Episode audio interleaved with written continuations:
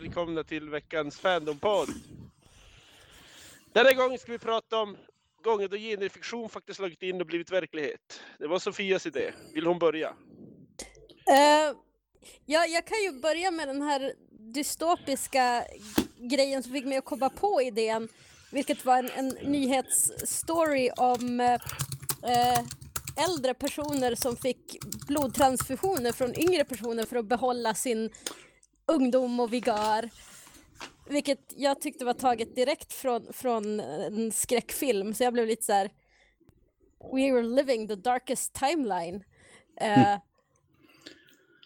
och, och som sagt, det, det, jag kan inte komma på liksom den exakta historien, att jag har sett den någonstans, men det kändes verkligen som att någon har skrivit den här historien och har de inte gjort det så borde de göra det.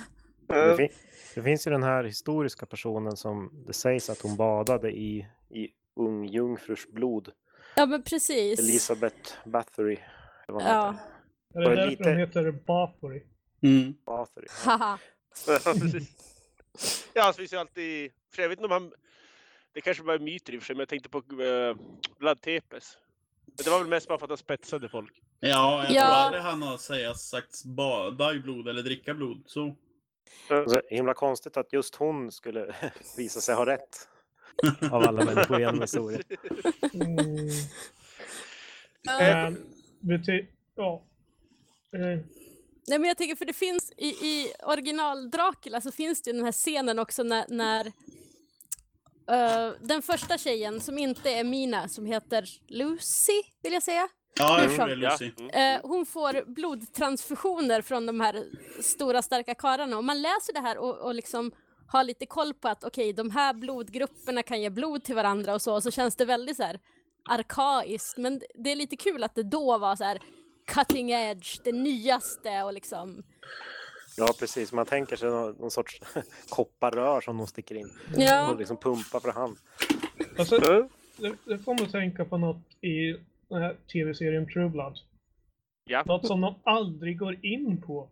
Går True Blood att använda istället för transfusioner? Fast Varför det... har de aldrig ställt den frågan? Helt plötsligt, bara undrar. För att den inte handlar om vampyrer som har sex. Jag har förstått att det är kärnan i den serien. Det är bara att jag är fördomsfull. Fast det var ju någon som hade, jag vet inte, hade han sprutat in, det var ju någon redan i första avsnittet, jag vet inte om han hade sprutat in när de hade druckit True Blood som vanlig människa. Han fick ju, han blev ju ständigt kåt, det var det som var problemet. Nej, nu har du blandat ihop saker. Den när var... de dricker vampyrblod som... Ja, okej, det kanske var så det var, okej, okej då. Det kanske var så det var. Alltså, jag hade alltså rätt. Han fick gå till läkare för att han hade blivit utnött. Kommer jag ihåg. Det var det, det enda avsnittet jag sett. ja, jag tror jag vet vilket avsnitt. Jag är lite så här, är det här faktiskt canon? För jag har inte sett True Blood. Är det här faktiskt canon eller är det någon så här fanfic som ni har hittat någonstans? Det, det, det har hänt i, i tv-serien. Typ han, han brodern där, han tar True Blood och får så jävla stora ballar så de är tvungna att tömma dem. Han, han, han, får en erektion som bara inte går upp och ner. Mm. Inte för att gå allt för långt bort från det här härliga ämnet. eh, men får jag skjuta in att vi har glömt bort att presentera oss? Ja. Vilket kan vara lite jobbigt för våra hypotetiska lyssnare. Just det. Joakim, som vanligt, moderator. Eh, David, inte moderator. Viktor. Inte heller moderator. Och Sofia. Eh, med på sin andra sändning. Woho! Mm. Det blir sälljud när jag hade såna vifta händer. Och så Olof. Ja, Olof. Hej. Precis. Jag återgår till ämnet då. Vad pratade vi om? Just det, vampyrblod. Ja. en, grej, en grej som jag tänkte på häromdagen som har lite med det här ämnet att göra. Eh, även om det väl inte har gått i uppfyllelse riktigt än. För att ni vet hur man pratar. Alltså liksom både bland SF-fans och mer allmänt så här att Ja, men det som var liksom utlovat sen fiction förr i tiden, att man aldrig får det. Att vi får inga jetpacks och flygande bilar och liksom matpiller och sånt där. Ja. Men samtidigt så är det ju, jag menar, vissa saker som finns idag, eller snart kommer att finnas, är ju så här superkonstigt och super science fiction. För det är så här, även om självkörande bilar är kanske inte var mans egendom riktigt än. Mm. Men det är ju snart en grej. Och det, nu är det mer så här att, ja men det ska bli trevligt när de kommer. Och det är ingen som tänker bara, det är helt sinnessjukt att vi snart kommer att ha bilar som kör sig själva. Så det är ju vissa sådana saker som bara smyger på en. Eller liksom ta allt som finns i en smartphone idag. Liksom. Det är ju helt bisarrt att vi går runt med det i fickan. Jag, jag tycker ju all, alla uppfinningar egentligen, men jag menar, tänk en kam... Fota en bild med en kamera, alltså hur fan... Hur fan kan man liksom fånga en stillbild av verkligheten? Jag fattar inte. så det med alla. Från början så handlar det om uh, ljuskänslig uh, kemikalier Jo. som man gjorde film av. Men det, Och sen så tog man och bara öppnar och, och belyser dem och så fastnar liksom eh, det reflekterade ljuset på dem. så jag, jag har full förståelse liksom finns sådana typ uh, folk som kanske inte träffar på kameror tidigare som tror att man tar ens själ eller något sånt. Alltså, det kan jag verkligen förstå. Det känns Men- helt freaky. Oväntat att det kommer ut som, som kamerafob här. Mm. Jag gillar Nej, men jag tänker, för bilden. Fortsätt. Ja. Det finns ju också en sån här gräns för liksom, de här tidiga kamerorna kan jag liksom förstå att det är en fotosensitiv kemikalie och den får ljus på sig. Men en digital kamera, Mm. då har vi kommit över liksom så här, vad min hjärna kan sätta ihop till någon slags logik. Mm. Och så blir den så här. That's fucking magic. Ja, Ja, fast För, nu handlar det om en ljuskänsliga dioder istället tror jag. Så har man väldigt många bredvid varandra. Som, precis som pixlarna på en skärm. Jo, men ja, det, det känns ändå mer utomjordiskt än liksom så här, en kemikalie som jag potentiellt kan ta på. Jag kanske inte Mm. Ja. bör ta på den, men jag, jag kan liksom, ja. Ja. Nej, men jag tror de, de flesta har någon sån saker som de verkligen inte kan begripa. Det. Jag, något som jag hade jättelänge, ända sedan jag var liten, det var, ni vet sån här eh, Lightgun hette det väl till eh, Super Nintendo, Ninte- som man kunde skjuta änder med och grejer. det fanns Ja. Man bara sik- Ja, det kanske fanns där till och med. Man bara siktade på skärmen och så liksom sköt man med den. ja. Och ända sedan jag var liten, det har verkligen varit en sån grej som jag bara Alltså hur kan det funka? Jag kunde liksom inte, för, alltså vad? Jag förstod inte hur det överhuvudtaget kunde funka. Och det var först en fest för ett antal år sedan. Jag tror för att det var samma fest där jag och vår kära moderator hade en typ tre timmars diskussion om Batman vs Superman. Eh, inte filmen alltså, utan bara om de skulle slåss mot Ja, just varandra. det. Ja. Eh, men då var det någon som bara, jag vet inte hur vi kom in på ämnet, men som förklarade för mig typ hur det fungerade. Och det var verkligen så här.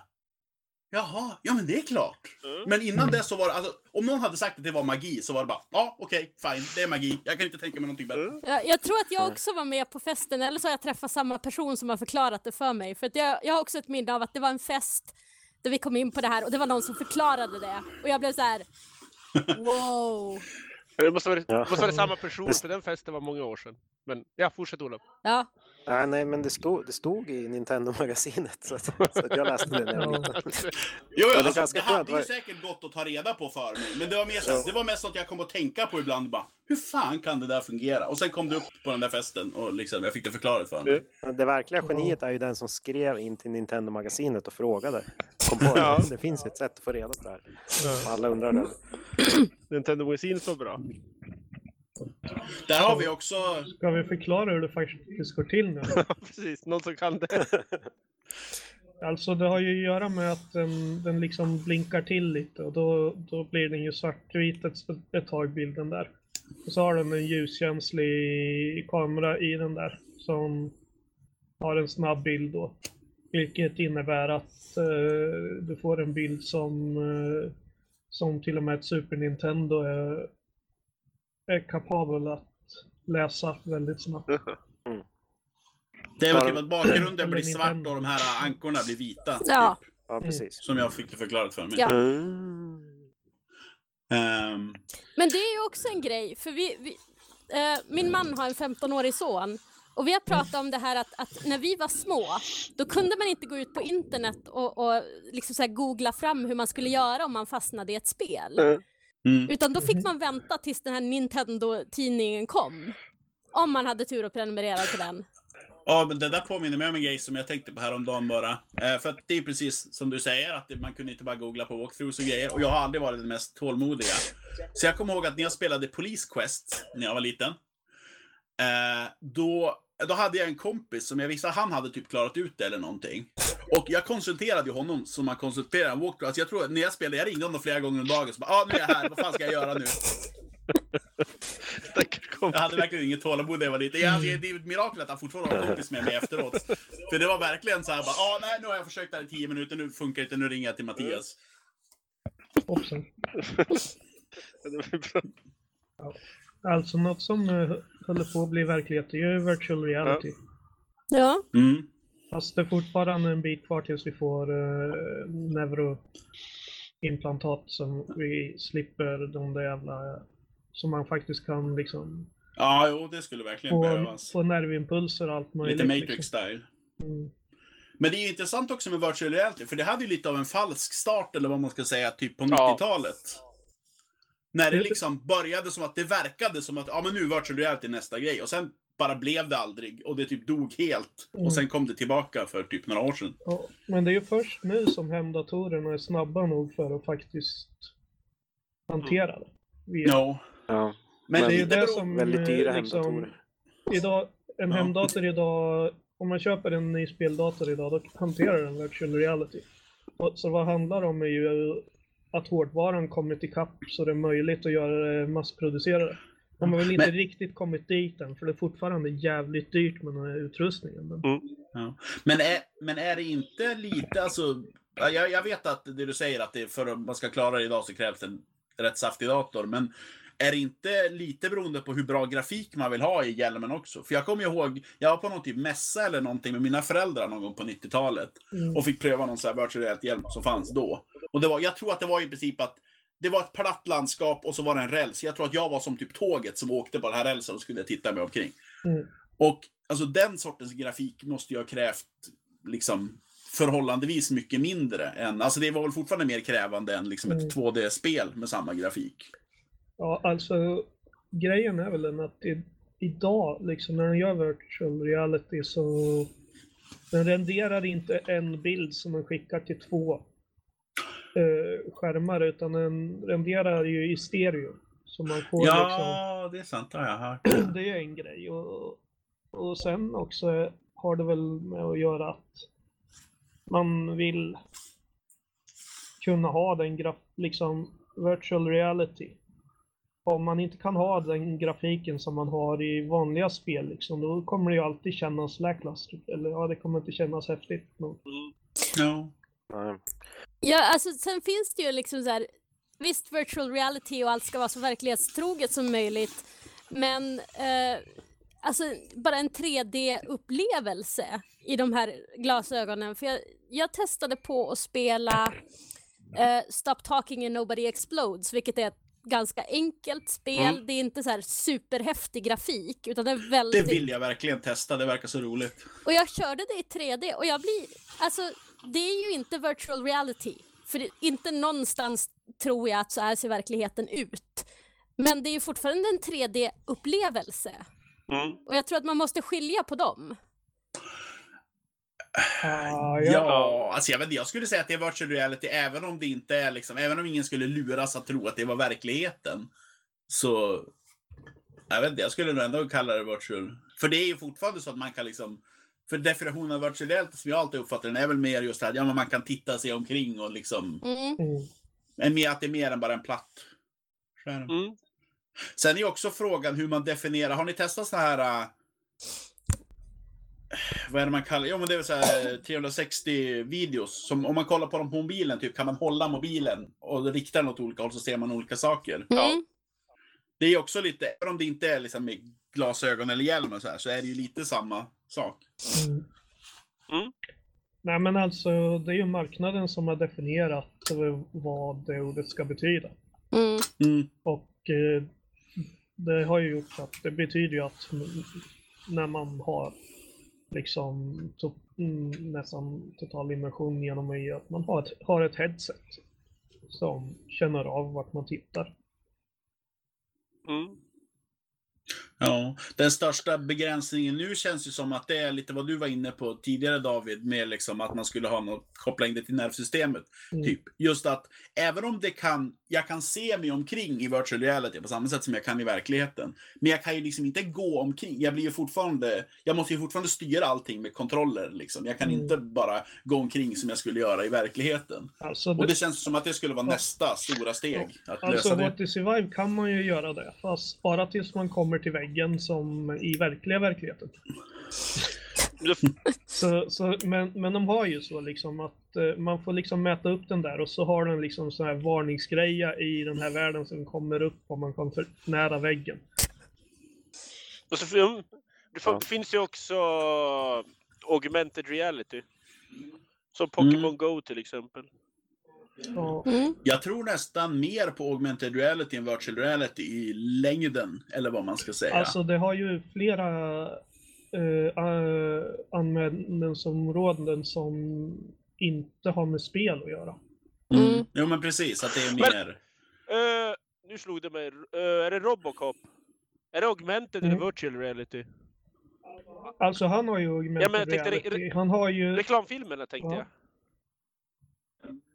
Jag minns inte. Hur är de? Jag minns inte. Det var länge sedan jag Jag såg kommer Robocop. inte ihåg att det var någon slags virtual reality i okay, okej. reklamfilmerna. Men det var, det var hologram, Men- typ skulle på det här atombombspelet och vad fan det var.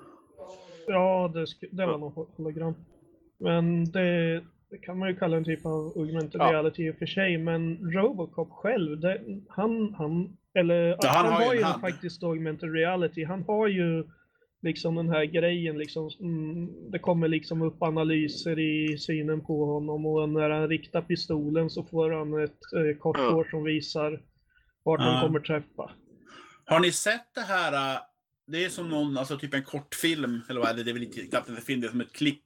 Jag tror det är från typ Japan eller Kina eller något, men jag kan missta mig på det. Som är liksom som en, vad ska man säga, första persons illustration av typ hur augmented reality skulle kunna se ut. Att det är någon som går, typ, jag tror, jag tror hon sitter på en buss eller någonting. Mm. Och så kommer det upp, alltså det är väl typ Facebook och sådana grejer och så ploppar det upp reklam då och då och hon liksom ser allting. Det var precis den jag inbyggd. satt och tänkte på.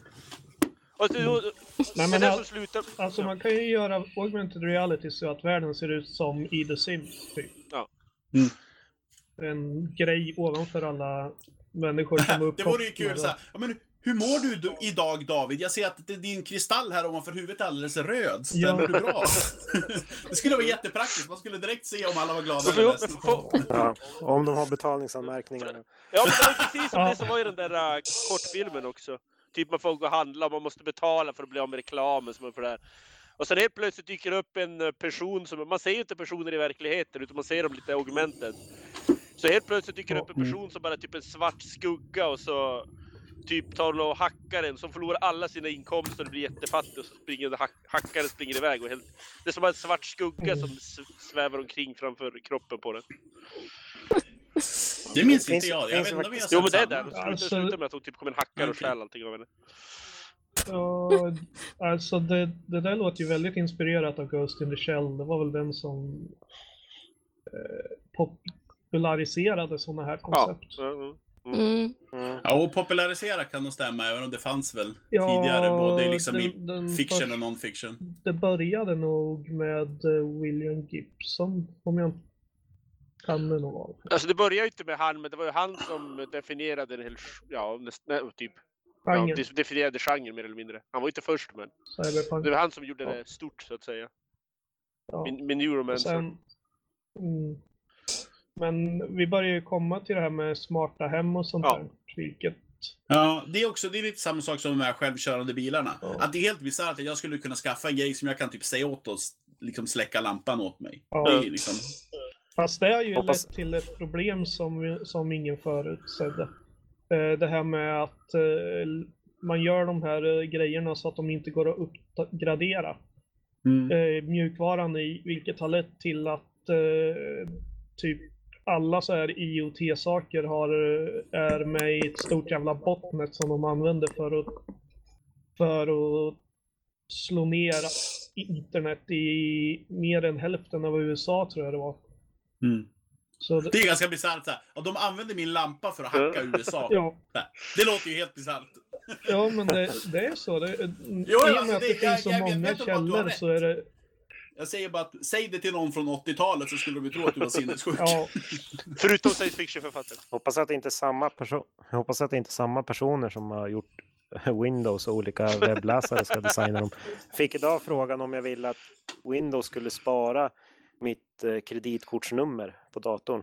Okej. Jag tänker mig om man, om man har ett smart hus och så lås, varje gång man låser upp dörren måste man säga nej till att den gör en kopia av nyckeln och lämnar den i dörren. Ja. Ja, Det känns ungefär på den nivån. bra liknelse ja.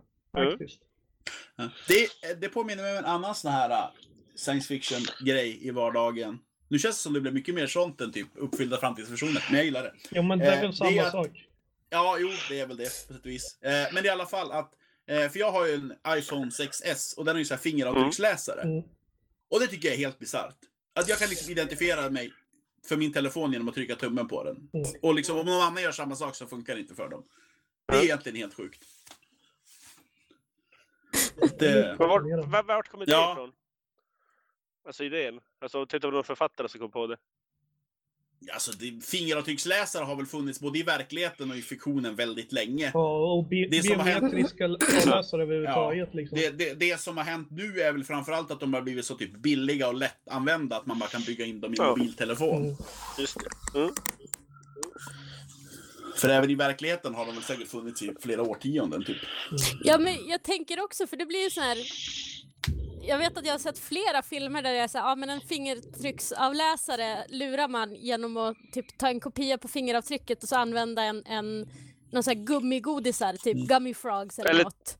Precis. Eller För hugga armen alltså- av dem. Ja. Ja, och grejen är ju den, i alla, i alla fall om man ska tro Cory Doctorow, och det är ju i och för sig en person jag faktiskt litar på, så är det rätt lätt att lura en sån där.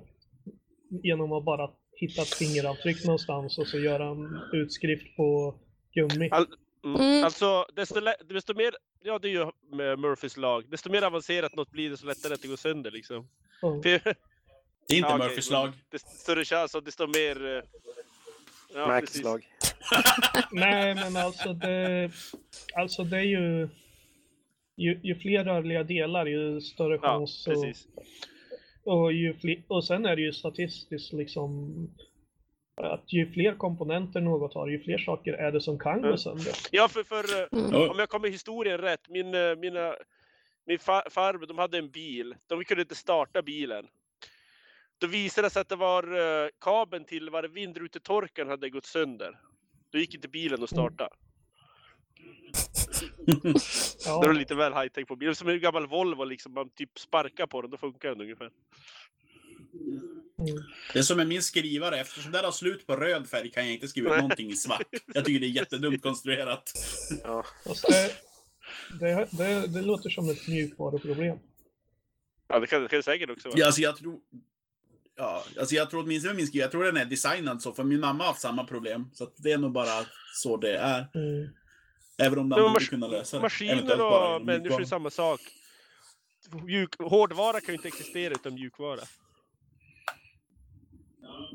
Ja. Eh, Eller tvärtom för den delen. Stenar. Ja, jo, de är inte levande organismer. Så att säga. Det var mer jag tänkte. Jag tänkte mer det här metafysiskt som en, typ man är, man är levande, man tänker. Mjukvaran är det Mm. tänkande och hårdvaran är kroppen, så att säga. Alltså, alltså... Jag vet inte riktigt. Alltså, tänk Turingmaskiner. Det är ju mekaniska apparater. De är ju helt hårdvara. Eh, visst, de har ett program i så fast det, det, det är designat liksom in mekaniskt i maskinen. Det finns liksom inget, en gammal Turingmaskin. Ja, sig. Mm. Till exempel de här eh, kodgrejerna som... Eh, eh, vad Enigma och dem. Ja, Enigma-maskinerna, det, det är ju... Det det de har ju liksom... Där är ju funktionen liksom eh, indesignad i själva mekanismen. Det vore ju ganska intressant. Speciell hårddisk. Det vore ju ganska intressant att veta alltså, hur avancerad typ dator man skulle kunna bygga med enbart alltså, me- mekanisk hårdvara. Eller Mm. vad man ska säga. Alltså, om man hade liksom obegränsat med budget och utrymme och sådär. Ja. Skulle man kunna bygga motsvarande min liksom, dator, men enbart med mekaniska delar? Alltså det skulle du ju kunna göra, bara det att den kommer inte vara lika snabb. Den kommer kunna utföra samma beräkningar, men inte på samma hastighet. Nej, det är klart. Det blir, Det blir typ en steampunk-dator. Mm. Mm. Där, är, där har vi ett boktips om man vill eh, läsa om en häftig dator så kan man läsa eh, The Three Body! Problem. Oj jäklar, den har jag tänkt läsa. Nu vart jag ännu mer nyfiken på det. Ja, den, det är en väldigt, väldigt speciell dator. I den. Var det inte det som var en Hugo? Jo, den Jo, var en Hugo. det. Ja, Första kinesiska vinnaren Hugo eller sånt där. Ja. ja. Det. Jag undrar om den kommer bli översatt till svenska eller om man bör ge sig på den engelska versionen. Man får väl höra runt bland de som översätter till svenska. Ja. Typ. Det verkar osannolikt. Ja, ja, mm, man får hålla tummarna. Kommer det till engelska? Ja, men det engelska finns det i och för sig på, annars är det svårt att det ska komma för vinnaren Hugo i och för sig. Och att ni skulle kunna omtala det med dess engelska Ja, ja precis. Jag kom, nu kommer jag på två, ja. 1984 faktiskt har ju slagit in en del. Jag menar 1984 är ju London. Och London är ju världens mest kameraövervakade stad. Fast den där statistiken är ju lite bullshit, för de räknade ut den på ett jättekonstigt sätt. Ja, alltså det var, de tog en gata med jättemånga kameror på. Och så räknade de kamerorna och så, ja men alla kameror, om alla gator har lika många kameror som den här, då finns det typ x antal Okej, kameror i ja. London. London är en väldigt Ja. övervakad stad, men den där vanliga siffran har Ja, jag förstått det- det är lite lite- lite ironiskt. Al- al- Alltså, en bättre liknelse än eh, med, än med 1984 är väl Facebook ändå. Alltså de använder ju den data de får in för att liksom manipulera oss människor och liksom agera på ett visst Ja, sätt. ja jo, mm, precis. Man får, man får Och bara... den samlar ju verkligen in all data om oss. Samma sak med Google. Det påminner mig... Ja, det, Ja. de, det kommer ingen liksom och bär bort oss liksom, men det är liksom, den använder ju alla trick den kan för att man liksom Mm. ska, ska, ska liksom manipuleras och vara en del av konsumtionssamhället som liksom de Precis. säljer sina data till. Jo, jo, men samtidigt är ju på något sätt, eh, vad ska man säga, Facebook är gratis att använda och så liksom betalar man med sina data. Mm. Det är ju ingen som liksom, vill man inte vara med på Facebook, vill man inte vara med på Facebook. Alltså att problemet med att inte vara med på Facebook, det är ju att eh, har man, är alla kompisar där, man måste liksom Facebook fungerar därför att alla har det. Och Facebook är väldigt svårt att byta ut därför att alla är där. Ja, Så, eh, men det ska, är en, man, ska man avsluta Facebook, då måste man få med alla sina kompisar som, som Mm. använder det för att, för, att, som, för att planera saker som vi gör till Du, exempel. det är mycket socialt. Om, om, om jag vill avsluta Facebook, då måste jag ju få hela, alla er att använda ett alternativ för att kommunicera. Ser, du, det, det är det är många yngre som inte håller på med Facebook. Alltså, det är mest bara äldre och äldre som håller på med Facebook också. Och så, och så är det den där äh, morbida poängen att det är, vad är det, 30 miljoner döda människor på Facebook. Om typ 20 år så har de räknat ut att det kommer vara fler döda än levande människor som använder Facebook. Inte använder, men som finns registrerade. Ja men som, alltså, som är döda, som är döda. Alltså det finns ju många, jag har fl- flera bekanta liksom som, är som har sådana här äh, minnes, alltså deras äh, användare har blivit en minnessida över dem efter de dog. Mm. Så att jo, det är, jag tror det är 30 miljoner döda människor som finns på Facebook just nu. jo, jo, men det är av hur många hundra miljoner Ja, jo, levande jo. användare. Sen så länge är det ju en ganska Jo. marginell del. Det sjuka är att det är ju ungefär lika många i alla åldrar. Så att, Ja, och sen kommer ju de här spökhistorierna av, av liksom, ja men den här killen, hans flickvän dog och, och två månader senare fick han ha meddelanden från henne. ja, Och, precis. så att det, det blir ju en helt ny generation av liksom genrefiktion som faktiskt tar sin grund i det här Ja, också. ja. Mm. Ja men det är ju det som är eh, science fiction egentligen. Science fiction är alltid existera i... Science fiction är typ den enda genren som aldrig kan stå stilla. Science fiction måste alltid utvecklas. Ja. Gammal science fiction är oftast svårläst eftersom den är, den är inte modern längre. Science fiction måste ju alltid hålla sig uppdaterad och modern och följa med utveck... Jag tror det var jag tror det var Sven-Christer Svan eller Samuel Lundvall som skrev typ om att science fiction utvecklas i, sam, i samröre med staden. Med stadens utveckling utvecklades science fiction typ. Jag tror det var Sven-Christer Svan. Mm. Ja, det glider över i alternativ historia eh, efter ett tag. Ja. Det är som, som i Neuromancer där en av nyckelscenerna är äh, att äh, huvudpersonen går längs en lång rad med betaltelefoner, Ja. alltså mynttelefoner som ringer. Då känns, det, då känns det mer som en äh, alternativ version av 90-talet eller något sånt. Ja, Ja. ja framtidsversion. betaltelefoner finns ju knappt längre. Man får leta som en galning. Jag tror det finns någon i källaren på Arlanda. Men det får man bara Ja. Jo, men det är ju ofta just det, alltså i mycket science fiction, att även om de liksom kanske kan lista ut så här, ja men där är vet, dit är vetenskapen på väg, så är det ju ofta de här vardagsgrejerna man missar, liksom att folk har mobiltelefoner. Fa- Att, Fast är inte det Ja. lite ett uh, svenskcentrisk tanke? Finns i Sverige vi, vi är ju som liksom high-tech moderna, men i USA finns väl fortfarande kvar betaltelefoner? De finns ju, det finns väl nog fler där än i Sverige, men jag tror de är ganska kraftigt För, för, utdöende för där. annars faller ju Ja. hela Ja, poängen med person of De är interest. utdöende där med. Ja, som sagt, det finns, det finns ju be- betaltelefoner, Ja. liksom. Men Ja. även... Och det, som sagt, jag, jag tror det finns fortfarande en i källaren på Arlanda. För jag var tvungen att använda den en gång när jag lyckades slå fel på PIN-koden tre gånger i rad. Eh, Efter jag hade gått på av planet. Uh, okej. Jo, men de har också lyckats med. Jaha. Nej men sen är det ju det också att även om du skriver science fiction så kan du inte liksom göra det för utomjordiskt. För jag menar, för någon på 50-talet att säga att ja men om 50 år så kommer alla ha en, en fickdator. Det kommer liksom inte vara så här, åh de kommer att bli jättesmå, utan det kommer vara, vad är en dator? Uh. Alltså du måste Ja. fortfarande kunna kommunicera koncept med din publik som de Mm. fattar. Ja. Ja, ja, det blir alltså de, den SF som utspelar sig riktigt långt in i framtiden, inte bara om tusen år utan kanske om 10 000 år eller 100 000 år. Så här, då känns det antingen så känns det som att det har förändrats för lite liksom under den tidsperioden. Mm. Eller så blir det bara typ jätteabstrakt och flummigt för att det går liksom Mm. inte att... Det, Ja. Ja, Ja. precis. Det, ja, det är lite Charles Stross där. Hoppsan, nu gick min skärm ner i smallinjen. uh, Alltså, Charles, t- han har ju skrivit väldigt intressanta framtider. Och, har någon läst Accelerando?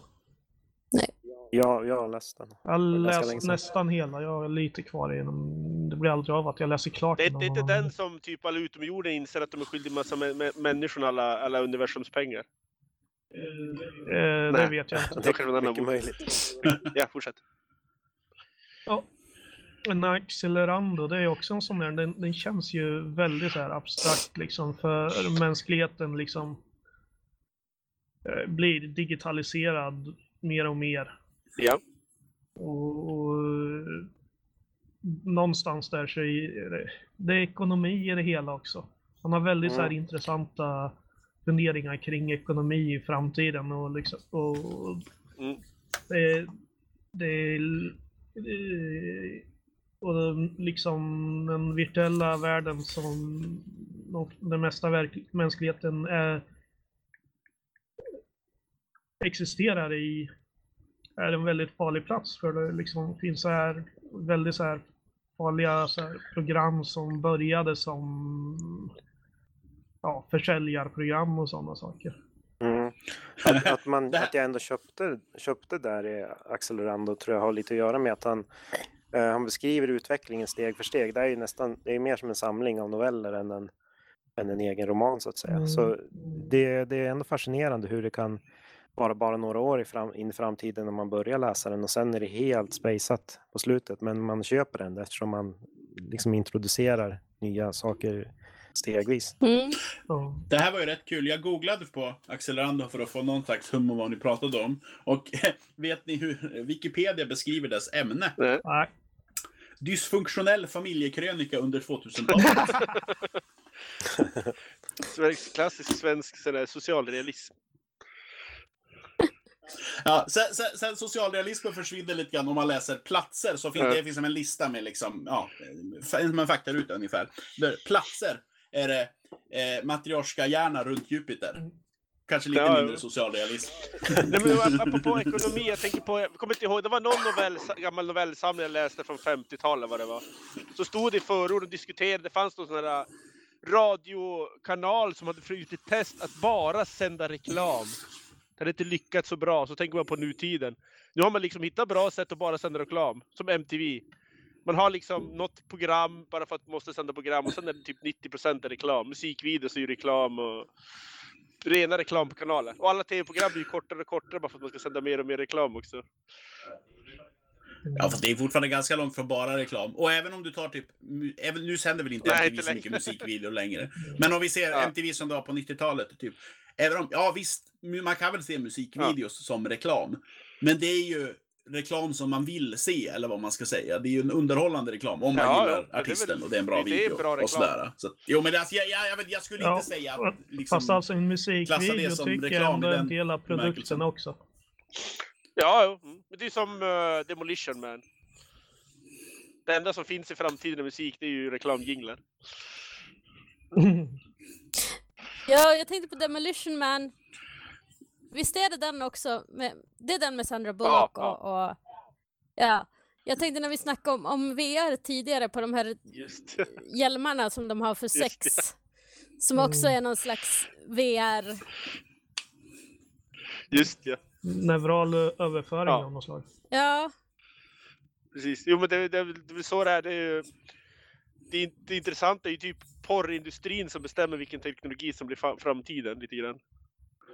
Som har Ja. VHS och Betamax, det blir VHS. Och nu i virtuell värld, porrindustrin bestämmer ska bli den, bäst, den bästa för virtuell verklighet. Det kommer porrindustrin och liksom, då blir det den, den som kommer att gälla. Ja, med tanke på att du baserar det på liksom ett val tidigare, även om man nu köper det här med att de Men det var valde väl samma mellan sak VHS och med Betamax, DVD vilket jag har. och... Ja, Laserdisc. Och den här uh, som Playstation också använder. Eh, Undantaget är ja. väl internet som, som ju är en open source-lösning. Ja. Mm. Som någon släppte ut till det vilda. Det var en militär eh, applikation Ja. för att skicka meddelanden som skulle vara väldigt eh, motspänstig mot att liksom gå ner. Mm. Distribuerad kommunikation kan man kalla det. Som de släppte som open source och sen blev till, ja, internet. Precis. Varubranschen hade inget att säga till om där. Men, nog för att de utnyttjar det. Men, Ja, men det tog väl, jag menar, tidiga internet funkade väl inte, möjligtvis typ sex noveller och sånt där, men när det bara var liksom bulletin boards och grejer funkade det väl inte så bra att distribuera porr. mm. Så det tog väl ett tag innan de fick upp ögonen Ja. för möjligheterna antar jag. Och nu får vi ju inte glömma när det gäller genfiktionslagen i verklighet, så nu kommer Viktor att sucka. Men... Måste ju komma in på Star Trek då. Faktiskt. Det var en dålig fejksuck sen. Ja. Jag menar Star Trek, det är ju många... Det är mycket för att eh, många ingenjörer liksom på NASA, de växte ju upp med Star Trek och Star Trek som inspirerar dem att bli och då, När man inspireras av något så vill man ju liksom gärna skapa det som... Mobiltelefonen kommer ju mycket därifrån. Framförallt, eh, det bästa var ju på början på 2000-talet med de här flip-up-telefonerna liksom. Det var ju, det var ju typ direkt taget från Star Trek. Mm. ja, för Star Trek var de första som, som kom på det här med bärbara Men just den här flip-up-telefonen kommunikationsradios. just. Och eh, Möjligt, det kan jag möjligtvis ge dig, men mobiltelefoner som helhet, Eh, inte och, en chans. eh, Fast alltså Star Treks kommunikatörer, alltså vi har inget som de fortfarande. För det, vi har ingenting som fungerar utan att det finns eh, antenner var tionde meter eller vad fan Ja. det är. Jag menar, eh, för att de här mobiltelefonerna ska fungera så behöver man stora torn. Och i staden liksom, när man finns ju går ner i satellittelefoner i och för supermarket sig. så är det ju liksom antenner överallt för att liksom, där når inte signalen Mm. annars. En, men satellittelefoner då? De är ju visserligen ganska mycket Mm, ja. större än en communicator, men de funkar ju liksom oberoende Men nu av de här är ju antenner. från originalserien, men t- Next Generation eh, kommunikatorer har man ju börjat använda på experiment vet jag på amerikanska sjukhus. Sen exakt hur de funkar vet jag inte riktigt. Men typ man bara trycker på en sån här knapp på bröstet och så bara blupp. Mm. Om bara de som behöver höra vad man säger för att föra handlingen framåt hör det. Ja, och ingen jo. annan störs av det. Den, Ja, den det funktionen får man behövs. säga namnet för. Och sen har de ju typ börjat med experiment med... Vad fan heter sådana här de här sprutorna man använder i Star Trek också? Ja, en så här Eh, epiderm. Medi... Ja men, du- ja, men Eh, gas. Heter Ja, man det med spray va? precis, med luft. Man har börjat använda Ja. sådana också, typ på experiment. För att kunna utan att slå hål det i där med luft, alltså det där med, jag tror inte den använder luft Nej, det var- alltså, det för det är jävligt farligt att få in luft i Ah, Okej, men det är blodsystemet. något, något man tryck man använder för, utan att slå hål i huden så att säga. Som jag förstår det. Mm. Och så teleporten. Nu har man i och för sig bara lyckats typ eh, teleportera typ kvarkar precis. Kvarkar. Men det är ju ett steg i alla fall.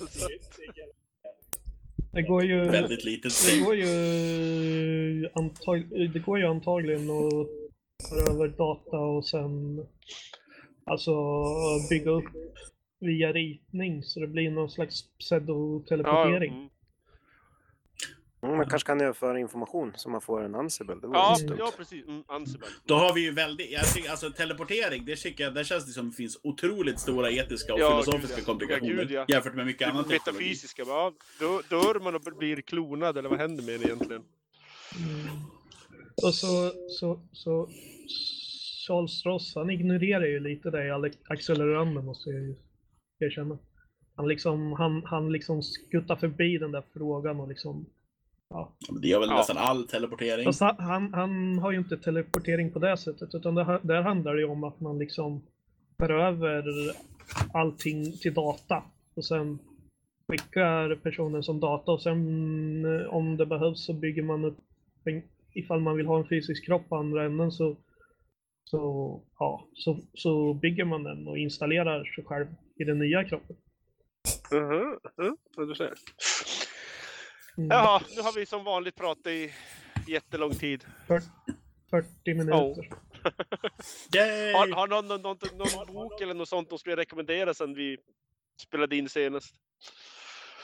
Jag, jag vill rekommendera Revenger av Alistair Reynolds. Ja. Den, är någon, jag vet inte vad- hur man ska beskriva den. Det är som någon slags så steampunk. De existerar i ett solsystem med väldigt många artificiella världar. Ja. Och använder så här solsegelskepp för att åka mellan dem. Den, den är intressant som fan och lite steampunk-aktig känsla nästan. Men det är ju inte steampunk utan det, det är lite mer ja, segelpunk, space. Eh, svårt att beskriva. Mm. Eh, har jag tipsat om City of Stairs tidigare? Annars Kommer inte ihåg. Berätta om det. Nej, jag tror inte. Jag tror att det var relativt nytt jag läste den. Eh, nej, men det är eh, vad säger Robert Jackson Bennett heter han som har skrivit den. Och eh, ja, vad ska man säga? Det är en värld där den lokala motsvarigheten till eh, Ja. ryssar, typ. Påminner väldigt mycket om ryssar. Eh, har typ erövrat världen med hjälp av att de hade som gudar, liksom fysiskt manifesterade gudar, som gav dem massa magi och hur mycket som helst. Eh, sen gjorde deras, eh, det koloniserade landet, som är den lokala motsvarigheten till indier, gjorde de uppror, dödade flera av gudarna, eh, vilket gjorde att verkligheten typ kollapsade en smula. Eh, och eh, så då, själva handlingen utspelar sig i någon slags postapokalyps, liksom efter att gudarna drog med sig halva verkligheten i fallet. Eh, och jag vet inte, det var förmodligen en väldigt dålig beskrivning av den, men den var bra i alla fall. Mm. Jag kan rekommendera den. Mm. City of Stairs, som sagt. Har två uppföljare som jag inte har läst än. Ja. Sofia?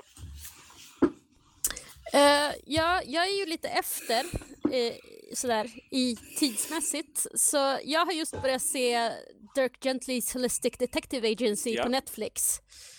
Eh, och jag har sett två, tre avsnitt och jag gillar det starkt. Så att har man inte sett den så tycker jag man ska börja se det. Och man hinner säkert se- färdigt den innan jag hinner se färdigt den. Men Den, den, än så länge är det bra. den är underbart bisarr. Ja, Jag såg några avsnitt av förra versionen av den som kom bara för typ tio år sedan eller något, så det var en väldigt snabb typ reboot. Men man gillar ju att göra tv-serier på sina klassiker. Så att...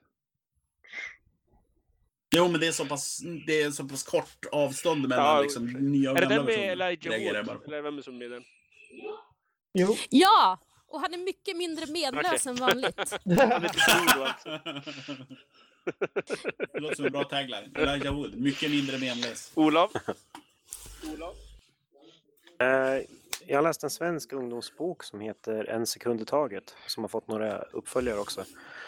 Eh, Den senaste kom ganska nyss och den första delen kom 2013. Skriven av en som heter Sofia Nordin som har varit till exempel nominerad till Augustpriset.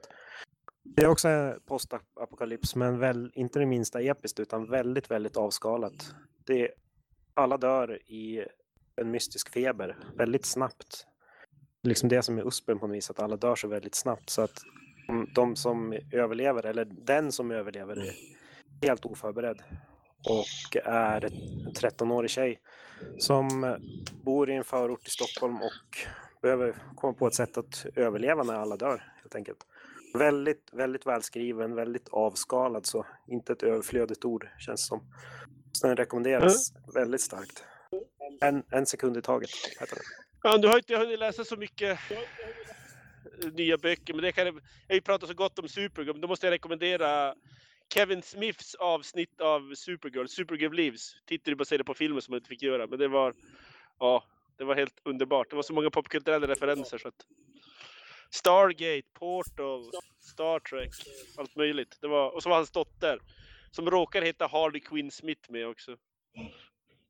Ja, hon är, hon är döpt efter Harley Quinn. Också. Han är ju riktig nörd Kevin Smith. Det är han som har gjort Dogma och Clerks och all de där sakerna. Chasing Amy, precis. Chasing Amy. Det är ju som porr för Joakim Mäki liksom. Kevin Smith eller Supergirl? Nej, det du Jaha. beskriver. Ja, ja, det är klart jag är nörd. Jag är nörd så att... Ja.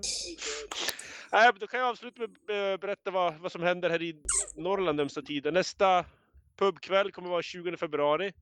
Och tydligen så har vi nu en... Det, vi, eh, David har sparkat oss och nu ska vi väl äntligen ha våran bokcirkel på eh, American Gods och Neil Gaiman snart.